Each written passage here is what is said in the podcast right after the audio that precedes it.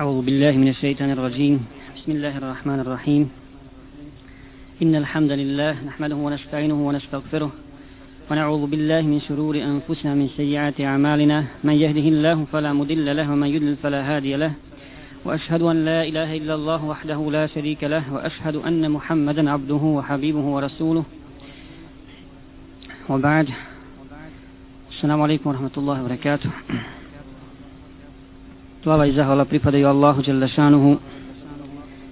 Njemu zahvaljujemo i od njega pomoć i uputu tražimo. Od njega tražimo oprost za naše grijehe i njemu se utječemo od, naši, od zla naših duša i od naših loših dijela. Allahu Đelešanuhu zahvaljujemo na njegovim neizmjernim nijemetima i blagodatima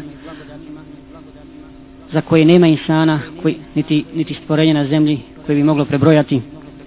Allahu Đelešanuhu zahvaljujemo na uputi koji je poslao preko poslanika Muhammeda sallallahu alejhi ve sellem koji je milost svim svjetovima i koji je preči mu'minima od cijelog dunjaluka i od svega što je na njemu i od njih sami. Draga moja braćo, poštovane sestre, mi ćemo večeras, inša Allah, govoriti o jednoj temi, o jednoj osobini mu'minskoj, vjerničkoj, koja je u stvari glava obožnosti. Govorit ćemo o takvaluku, o bogobojaznosti. Mi u našim obraćanjima, u uvodnim hutbama često puta učimo ajete u kojima se spominje bogobojaznost i inače ulema Selefa imala običaj naslijedivši to od Rasula sallallahu alaihi ve sellem da prije svakog obraćanja citiraju te ajete u kojima se spominje bogobojaznost i upućivali su savjete i sa hutbi i sa svojih vazova i na početku i na kraju vjernike i vjernice da se boja Allaha Đalešanuhu jer onaj ko nema bogobojaznosti on je prazan od imana. Inače riječ takva je ime koje je uzeto od riječi vikajetun hoćemo malo na početku da objasnimo ovaj da približimo sebi e, bogatstvo bogatstvo arapskog jezika. Takva znači bogobojaznost. A uzeta je od, od, ova riječ je uzeta od riječi vikajetun što znači spasiti se sačuvati se zaštititi se osigurati se. Od čega se osigurati? Osigurati se od Allahove kazne na sudnjem danu i od poniženja koje slijedi za nevjernike i za one koji nisu bogobojazni i na dunjalu koji na ahiretu. Dakle to je cilj vjernika. A ono što čovjeka spašava od Allahove kazne jeste izvršavanje onoga što je Allah Đelešanu naredio a ostavljanje onoga što je Allah Žešanu zabranio. Nekada riječ takva dolazi zajedno sa riječ bir ili odvojeno. Pa se može tumačiti, kaže Allah Žešanu wa ta'avanu alal birri wa takva. Potpomažite se u dobročinstvu i bogobojaznosti. Potpomažite se, kad dođu zajedno ove dvije riječi, takva i bir, onda riječ birrun znači izvršavanje Allahovih naredbi. A riječ takva znači klonjenje Allahovih zabrana. A kada dođe riječ takva sama u ajetima ili u hadisima, onda ona ima značenje od Boga. I izvršavanje ga što Allah je naredio i klonjenje Allahovih zabrana. Allah je u Kur'anu kaže da je džennet uiddat lil muttaqin pripremljen za bogobojazne, za one koji se Allaha boji. Znači, bogobojaznost je garancija za siguran uspjeh i za spas na dunjaluku i na ahiretu. Vjernik se kroz svake pokorava Allahu Đalešanuhu izvršava njegove naredbe, a kloni se onoga što je Allah zabranio. Kaže uzvišeni u ajetu, dakle koji isto tako uvod u, uvodni ajet u našim uvodnim hutbama, Evo billahi mine šeitan rajim, Ja ejuhel amanu takullaha haqqa tukatihi o vjernici bojte se Allaha istinskom bogobojaznošću ili onako kako ga se treba bojati. Imam nevevi tefsirijeći ovaj ajet protefsirio ga je drugim ajetom. Pa kaže ovo znači bojte se Allaha istinskom bogobojaznošću kaj ovaj ajet je objašnjen drugim ajetom. Fattakullaha mestata'atum bojte se Allaha koliko god možete bojte se Allaha koliko god možete Međutim, ovaj ajet nema za cilj zanemarivanje bogobojaznosti. Ovdje se spominje ist, glagol isteca ako možete ili koliko možete. Naprotiv, ovo je posticaj vjernicima da ulože maksimalan trud u bogobojaznost. Maksimalan, bojte se Allaha koliko god možete. Jer kad Allah je ne optereće nikoga preko njegovih mogućnosti. Ima nekih stvari koje čovjek ne može izvršiti. Objektivno ne može izvršiti. I zato neće odgovarati, subhanallah. Zato neće ni odgovarati. Pogled, evo, jedne zablude muslimanske. Zablude ummeta. Ne zabluda vraća u fikhu, nego zabluda u akidi.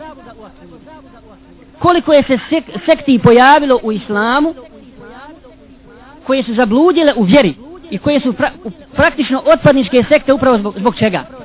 Šeitan je naveo, recimo, mi znamo da je jedno, jedan od, od dijelova imana tavhid esma i sifat. Vjerovanje da Allah Žešanu ima svo, najljepša imena i da ima svojstva. Svojstva i vjerujemo u njega onako kako je Allah sebe opisao i kako ga je opisao Resul sallallahu alaihi wasallam. Bez dodavanja, bez oduzimanja. Međutim, našli su se ljudi koji su iskoristili svoj mozak da neke stvari preokrenu tu. Pa kad Allah kaže jedullah, Allahova ruka, oni kažu to je Allahova moć. Subhanallah. Allahova moć. Allahova moć je kudretullah, a nije jedullah. Dobro, ako kažu da je jedullah Allahova moć, Allah u drugom ajetu kaže bel je dahu mebsutatan. Obo dve njegove ruke su otvorene. Jesu, jel se tu sad radi o dvije moći? Jel se tu sad radi o dvije moći? Šta hoće da kažemo ovdje? O, govori se dakle ovdje o bogobojaznosti. Koliko hoće čovjek da dosegne svojim mozgom? Za o, onu stvar za koju neće biti pitan, subhanallah. Nećeš biti pitan zato što nisi mogao da dosegneš suštinu svoga gospodara, subhanallah. Ne, zato biti pitan na sudnjem danu. Bićeš pitan za namaz, daj ti, ali me, koliko ti namaza ostalo? Koliko si, koliko si puta propustio zeka da podijeliš? Koliko puta se da? Koliko puta džihad, bio je džihad, nisi se odazvu, a raspravljaš o Allahovim svojstvima. Zbog toga će zgovara, subhanallah. Kako ćeš položiti račun? Nisi se odazvu na farzove koje ti Allah naredio, a raspravljaš onome. Zašto nećeš odgovarati? Ako ti to ne znaš. Nego dužnost je da vjeruješ u to onako kako je Allah šanu rekao i spomenuo u Kur'anu. Dakle, to je taj trud. Zbog če, ovo je, evo još jednog dokaza da se mora uložiti maksimalan trud. Kaže Resul sallallahu alaihi sallam, onaj ko ne može da klanja stojeći, neka klanja sjedeći. Ko ne može sjedeći, neka klanja ležeći. Ili na kraj krajeva i šaretom čak. Jer Resul sallallahu alaihi ve sellem i koga živog oslobodi od namaza. Pa kaže ja ne mogu, ne. nije ga oslobodio od namaza, nego moraš izvršiti namaz onako kako možeš. E to je taj trud, maksimalni trud da čovjek tako je nevevi objasnio, objasnio ovaj ajet. Kaže Allah Želešanuhu u drugom ajetu Eûzu billahi mine šeitanir rajim. Ja ejuha allazina amanu taku Allahe wa kulu kaulan sedida Yuslih lakum a'malakum wa yagfir lakum dhunubakum. O vjernici bojte se Allaha. O vjernici bojte se Allaha. I govorite samo govor koji je sedid Ovdje riječ sedid znači lijep i istinit govor. Lijep istinit govor. Dakle to je govor u kojem je samo hajr. Dakle, samo dobro. Bilo da se radi o naređivanju dobro odvraćanja od zla. Bilo da se radi o izvršanju Allahovi naredbi. Bilo da se radi o nasihatu, o savjetovanju. Bilo da se radi o bilo čemu. O druženju međusobno sa braćom. U tome, pogledaj, subhanallah, mudrost. Dakle, se di, kaulun se did. Lijep govor. Čist. U svemu, svaka tvoja riječ mu'mine da bude čista od svih mogućih natruha koji mogu da, da je zaprlje pa da ne bude kavun se did, da ne, budeš, da ne dobiješ nagradu koju Allah obeća onima koji je govor takav. A Resul sallallahu alaihi sallam je objasnio ovaj ajet riječima Men kane yu'minu billahi wal yawmil ahiri fel jakul hajran ev li jasmut. Ona je ko u Allaha i sudnji dan neka govori šta? Hajr. Ili neka šuti. Koji će to mudra se ljepše izraziti? To je ta, to je ta subtilnost, to je taj iman koji, koji gori u prsima mu'mina i on hoće da ga očisti od svih mogućih natruha. A onaj ko se boji Allaha, on je takav. Njegov je govor lijep, dobar, suprotno. Ako nema bogobojaznosti, ako nema bogobojaznosti, onda čovjek govori svakakve riječi. Svakakve riječi i ogovara i kleveta i ne osjeća težinu tih riječi. E, ovo je mudrost, jednik to mora da prati kroz svoj život. Ne osjeća nimalo težinu svoje riječi. Pa kaj, ma nije to, ja sam želio hajri, ja sam želio nasihat, ja sam želio ovo. Ma ne pomisli to, bratu, loš. Ma ne pomisli. A kamo li reći? Odlazi na mjesta u kojima se čini razvrat, a kamo da se govori samo ružan govor. I ne osjeća nimalo težinu zbog toga. Ne osjeća težinu. To je ona, makar klanju, makar postio, makar hađ obavio, ali ako nema istinske bogobojaznosti, da čovjek zaista osjeća to u svom srcu, da ga Allah, da Allah dije nad robovima svojim, da ga vidi u svakom trenutku, neće tako ponašati. I sad kaže Allah Žešanu? obeća onima koji se boje Allaha i čiji je govor takav, čist i iskren i istinit, obeća im Allah boje, dvije nagrade. Popravit će im djela njihova, Allah će popraviti njihova djela i oprostit će im grijehe. Popravit će djela i oprosti. A suprotno, onaj ko nema bogobojaznosti, ko ne govori lijepi istin govor, on nije dostojan za to. Uzvišeni je dalje objavio u billahi mine šeitani rajim o men jettaqi Allahe jeđa'al lehu mahređa wa irzukhu min hajthu la jahtasib onaj ko se bude Allaha bojao Allah će mu dati izlaz iz svake situacije i obskrbit će ga odakle se i ne nada dakle Allah će bogobojaznog vallahi je ovo velika istina bogobojaznog čovjeka Allah će njemu dati izlaz iz svake situacije zbog čega ovo jer zaista je dunjaluk težak, tjesan, tegoban, pun iskušenja. Pun iskušenja, to vjernik najbolje osjeća. Kod svakoga ima iskušenja i kod vjernika, ali vjernik i osjeća i posmatra i samo kroz lupu Islama, kroz lupu Allahove objave. I zna da su teška. A iz, bilo da, da se radi o, o smrti, bilo da se radi o bolesti, bilo da se radi o siromaštvu i tako dalje, teško je to. Ali ko se na Allaha istinski osloni, vallahi će mu Allah dati izlaz i obskrbit će ga, kaže Allah, odakle se i ne nada. Recimo, čovjek koji se bavi kamatom, zarađuje i metak na haram način. Nek ostavi kamatu ispravno ima Allaha Đalešanu, vallahi će mu Allah dati izlazi, dat će mu veći bereket nego što je, nego što je imao sa kamatom. Druga stvar, često puta kad čovjek ostavi haram, vidi da izostaje Allahova pomoć, ne imaju brzo. Zbog čega kasni? Allah često puta kasni sa svojom milošću da iskuša roba. Allah zna kakav je rob, ali da se i on potvrdi. Jer onaj ko ostavi kamatu, ako mu neko kaže, povećat će se i metak ako ostaviš kamatu. Aha, povećat će se i metak, znači. A ja, znači, samo zbog povećanja i metka ostavljam kamatu, a nisam zbog toga što je haram, e onda tu ne ima hajra. Onda tu nema, dakle, to nije bogobojaznost, to nije, to nije takvaluk. Dakle, zakašnjenje je samo zbog kušnje, zato se ti Allahov robe strpi u ime Allaha Đalešanu osaburaj i sigurno je kraj tvoj. Za tebe je srećan kraj na dunjaluku i na ahiretu. Kaže Allah Đalešanu dalje u suri Anfal, a'udhu billahi mine šeitani rajim, in tattaku yaj'al lakum furqanan wa yukaffir ankum sejiatikum wa yaghfir lakum wallahu dhul fadlil. Pogledajte Allahu i blagodati za bogobojazni za vjernike. Kaže Allah, ako se budete Allaha bojali, Allah će vam dati moć razdvajanja istine od laži. Uvijek ćete moći prepoznat istinu i laž. Va yukeffir ankum sejatikum i pokriće vam vaša loša djela. Pokriće ih. Va jagfir lekum i oprostit će vam. Dakle, tri velike koristi, tri velike blagodati se kriju u ovome ajetu. Dakle, Allah takma daje sposobnost razlikovanja istine i laži, korisnog od štetnog, a ovo dolazi vallahi sa znanjem kojeg Allah ne podaruje osim mutakijama, osim bogobojazni. Nema ilma, kaže Allah što ju'til hikmete men ješe. Allah daje mudrost kome on hoće. Pa men ju'til hikmete fakad utije hajren kathira. A kome je mudrost zada, zato mu je veliko dobro. Misle li ljudi da je mudrost u stalnom kampanjskom učenju nekih nauka?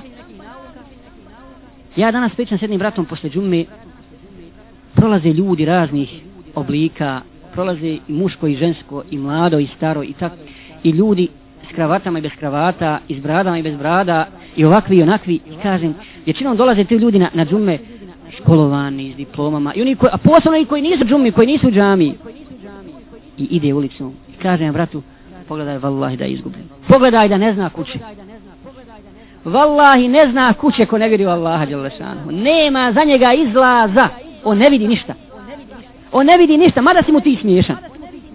Ti si mu smiješan. Zbog toga što je on sam sebi žalostan. On ne zna kuda, nema izlaza. I onda hajde samo za šeitana. A Allah onima koji istinski se na Allaha oslane daje znanje, daje istinsku razboritost, Ashabi su pretežno bili svi nepismeni, ali su bili jako inteligentni. Jako inteligentni. Allah im podario znanje, podario mu da su iskreno prihvatili objavu. Kaže Šafi, požalio sam se svom prijatelju na slabo pamćenje, na loše pamćenje. Pa kaže mi prijatelj, ostavi se grijeha. Jer kaže, nauka je svjetlo od Allaha. a Allah svoje svjetlo ne daje griješnicima. Ne daje Allah svjetlo griješnicima i vallahi griješnici nisu zaslužili da nose to svjetlo. Koliko imate ljudi hafiz, da ne govorimo o običnom znanju, nego hafiz Kur'ana. Hafiz Kur'ana zbog grijeha zaboravi ga za noć. Za noć zaboravi Kur'an. Hajde Allah žele šanuhu takvima, da takvi nose Allahu riječ, Allahu objavu, subhanallah. Dakle, takma Allah povećava uputu, daje im znanje, povećaje pamćenje i tako dalje. I nema ni malo sumnje da je to samo da je vezano za bogobojazne, samo za mu'mine i samo Allah njima povećava znanje. Dalje, vidjet ćemo ljude, ovo je dokaz za to, vidjet ćemo ljude recimo koji su alimi, obo dvojica su alimi, ali jedan će ti iz jednog ajeta, iz jednog hadisa izvest tri propisa. Kada ovo se odnosi na to, na to, na to. A jedan će izvest 30 propisa iz toga.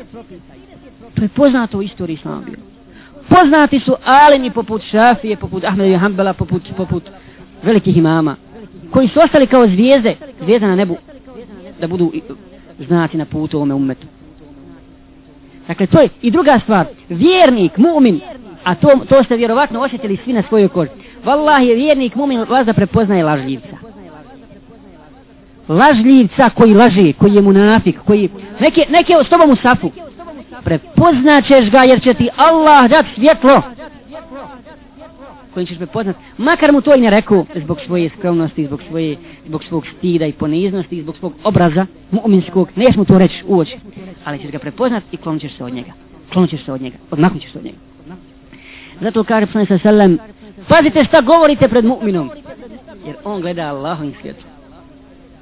Možeš mu se iza leđa smijat, možeš praviti grimase, možeš ga izazivat, možeš, a on će te oprimijetiti, ali zbog svoje dobrote ti neće kazat, neće te upozoriti veli to je odraz tvoje kulture, eto ti, eto ti. A ja se na Allaha oslanjam i ja imam ono što ti nemaš, onaj kvalitet kojega ti nemaš. I kaže, pokriće vam loša djela. Šta to znači? Pokriće Allah loša djela dobrim djelima. Kao što kaže Resul sallallahu aleyhi ve sellem, pet namaza dnevni. Džumma do džumme, Ramazan do Ramazana, brišu grijehe, brišu manje grijehe, ako, osim, ako, ne bude, ako ne bude veći grijehe brišu grijehe. Allah pokriva innal hasanati yudhibna sayyiat. Loša djela brišu, odgone, dobra djela odgone loša djela. Nema ih, nestaju. To je Allahova milost za, za njegove robove.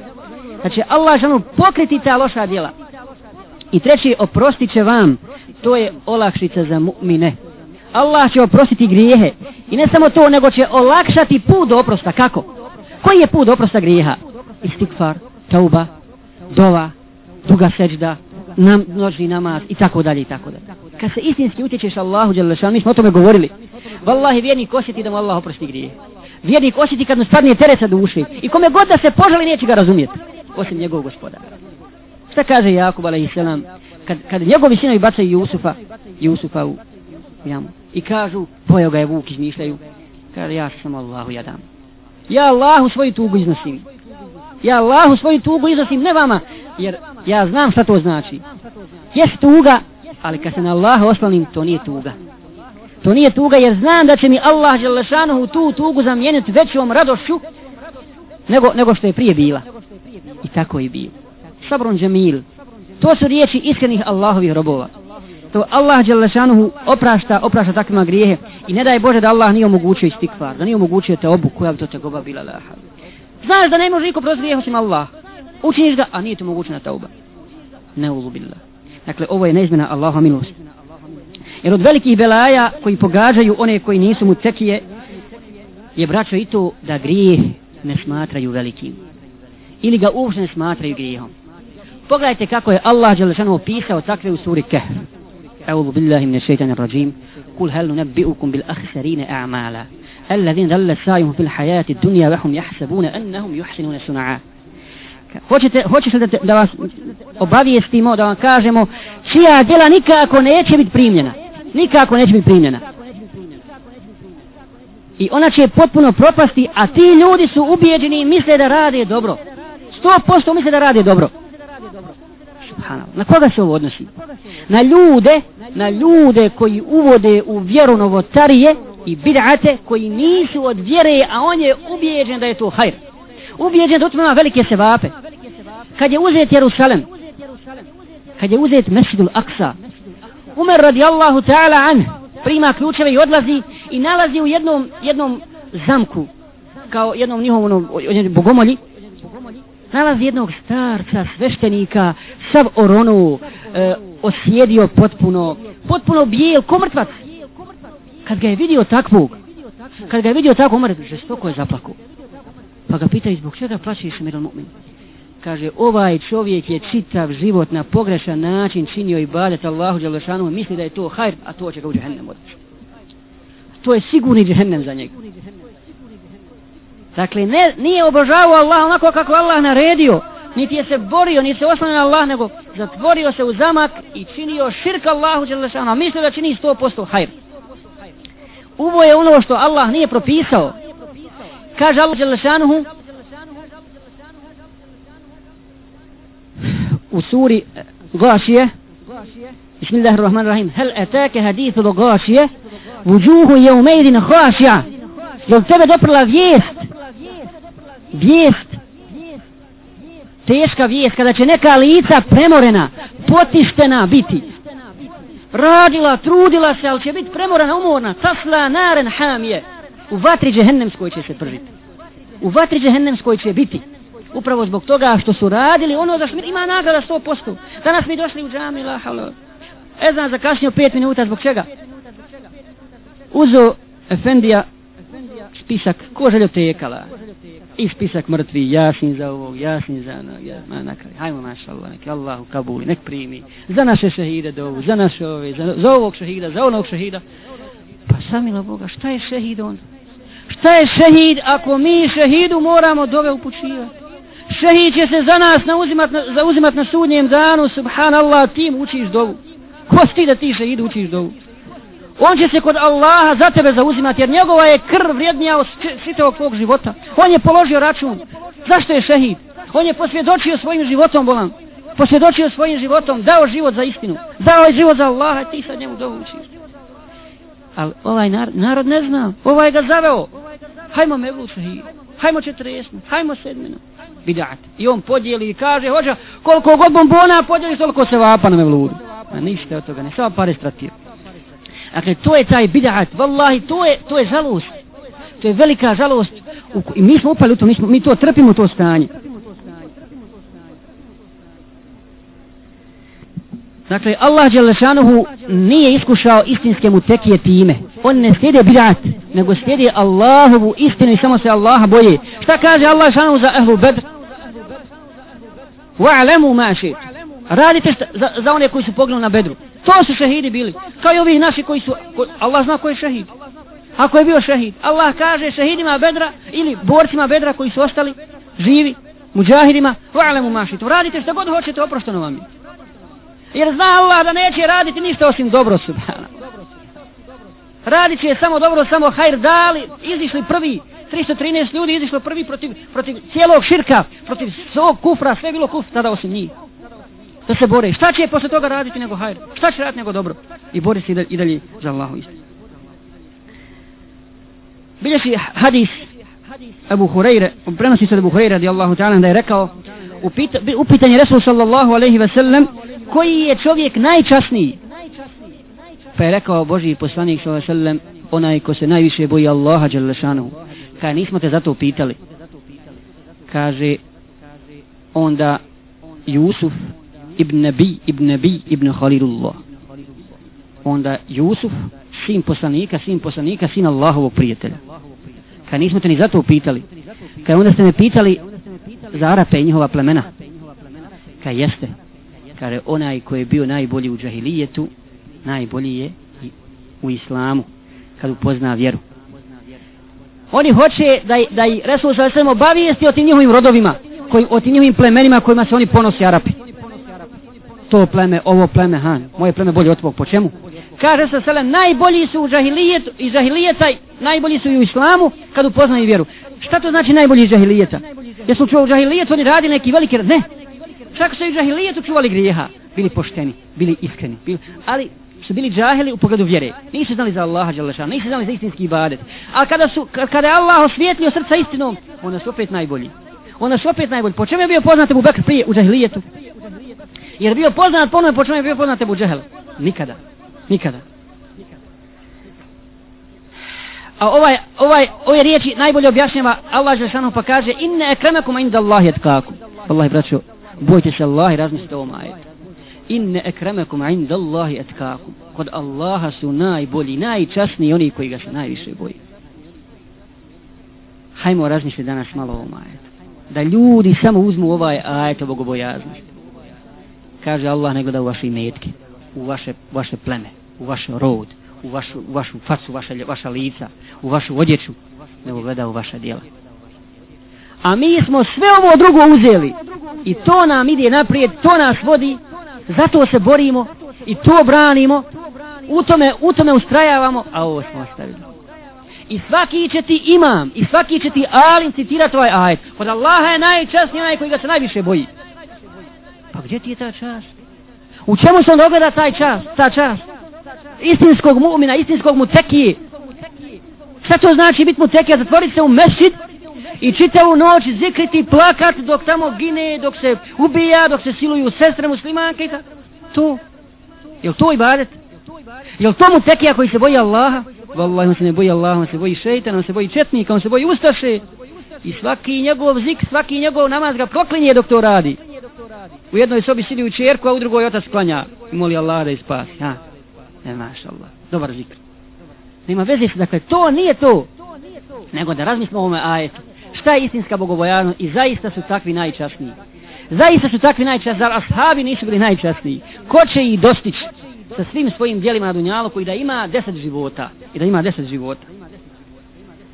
Pa kaže Resul sallallahu alaihi ve sellem dalje, zaista je dunjaluk sladak i zelen i privlačan i zaista vas je Allah učinio halifama na zemlji pa bojte se dunjaluka i bojte se žena i pazite kako ćete postupati Allah poslanik sallallahu alejhi dakle upozorava ovdje mu'mine na bogobojaznost na bogobojaznost.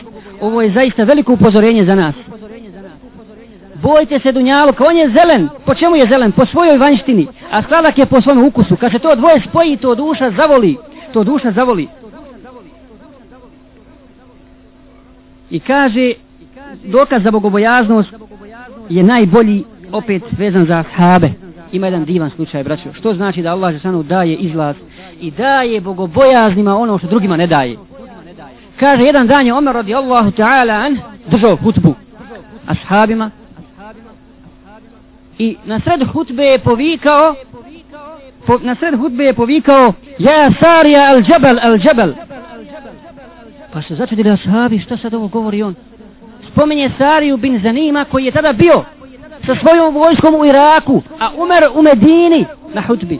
Ali Allah mu je dao intuiciju tako jaku i dao mu, dao mu mogućnost da spozna da je iza brda neprijateljska vojska za koju Sarija koji je bio tu sa svojom vojskom nije znao. Španalo. I kaže Umar, ja Sarija, džebel, džebel. Iza brda je neprijatelj. I čuo ga je Sarija. Čuo ga je Sarija u Iraku. I kaj povukao je svoju vojsku i zaštitio se, zaštitio se od neprijatelja. To je bogobojaznost. I kršćani i tako dalje. Ostale sorte zla posijali fitno sa ženom Allahom stan. Među muslimane po najviše. I žena je danas postala samo obično tijelo bez duše. Postala je obična plastična lutka, vallahi i predmet samo za življavanje. Ništa drugo. I mlada i stara. Samo gled, osim onih kojima se Allah smilovao i koji su izišli na pravi put i koji su gledali svjetlo, gleda samo da se dotjera u tijelu muškarcima i da ih zavede. Ako uspije, smatra da je uspila. Presrećna je. Presrećna je zbog toga. I vallahi jedina propusnica tih žena danas za muškarce je tijelo. Subhanallah. Zar je to ličnost? Zar je žena takva ličnost kojoj je jedina propusnica njena butina kod muškarca? To je žena emancipovana, savremena, civilizovana, školovana. To je majka koja odgaja generacije, jel? Wallahi, prečo je to zavođenje i od muža, i od porodice, i od djece, i od kuće, i od svega ostalog, a ona je temelj te porodice. I pogledajte kako je Čafir znao gdje će udariti. Kad je tu udario i kad je to obešastio i kad je uspio tu razvaliti, gotovo je on. Teško teško sad ide. I tu nam je sad najveći zadatak. Najveći problem je kako pomuslimaniti ženu muslimana. Kako je vratiti okrilje islama. Kako je vratiti ponos. Zar je ponos to kad završi žena muslimanka školu i ne može naći posla ako neće vratiti to, to ponos. Pošto je tamo onaj kafir ženu muslimanku koji je uzao sekretaricu, jel? Zbog čega je uzao sekretaricu? I šta traži od nje? Što nije uzao muškog sekretara? Koji je sposobniji i zna bolje posla obavljati? Ne. Wallahi, to je poniženje. Ona nije svjesna da je to poniženje za nju. Ne. Jer ona ne vidi daleko. Žena kad izgubi stid, kad je što sallam, stid je lijep, ali je još ljepši kad je kod žena. Jer stid je ono što krasi ženu, ako toga nema, halas. Onda nema od toga ništa. Šta znači poštenje i stid istinski? Pogledajte, kad se neko Allaha boji, opet govorimo o bogobojaznosti, kad se neko Allaha Đelešanuhu boji, kaže, jedan tabin je imao ženu tako lijepu, tako lijepu da je ona govorila svom mužu, kaj ja mislim da nema čovjeka danas u to vrijeme, subhanallah, a da ga ja ne mogu zavesti. Ne postoji, a da ga ja ne mogu zavesti. Kaže on njoj, zar ti misliš da su ljudi umrijeli? Pomrli. Da nema više ljudi. Kad ima jedan šejh, vallahi, za njega je tvoje lice i lice krave isto. Pa, ali ona je toliko bila ubiđena da ga može zavesti. Može. I kaže, otišla na njegovo predavanje. Poslije predavanja, poslije predavanja ostala je. Ostala je i otkrila mu se. Kaj je Bujrum? Pa je on kaže, boj se Allah. Da ti je došao melek smrti, bil mi to ponudila. Da je došao melek smrti i znaš da je došla do uša do krkljana, nema više. Pa je izgradio iz kritiku, ona je pobjegla tako od njega i došla mužu kaže istina je što si rekao. I ka, od tada kaže taj tebin, neka se Allah smiluje tom i tom šejhu. Do sad mi je žena bila svaku noć mlada, a sad je postala ko ptica. Svu noć bdije, i badeti, zikri, samo misli o smrti, misli o ahiretu. Nema više. Kle, to je bogobojaznost. Ako nema toga, onda nema ni poštenja, ni pravde, ni stida, ni ostalo. Pogledajte dove koji je učio Resul sallallahu alaihi wa sallam. Allahumme inni es'eluke l'huda, wa tuqa, wa l'ifafa, wa l'gina.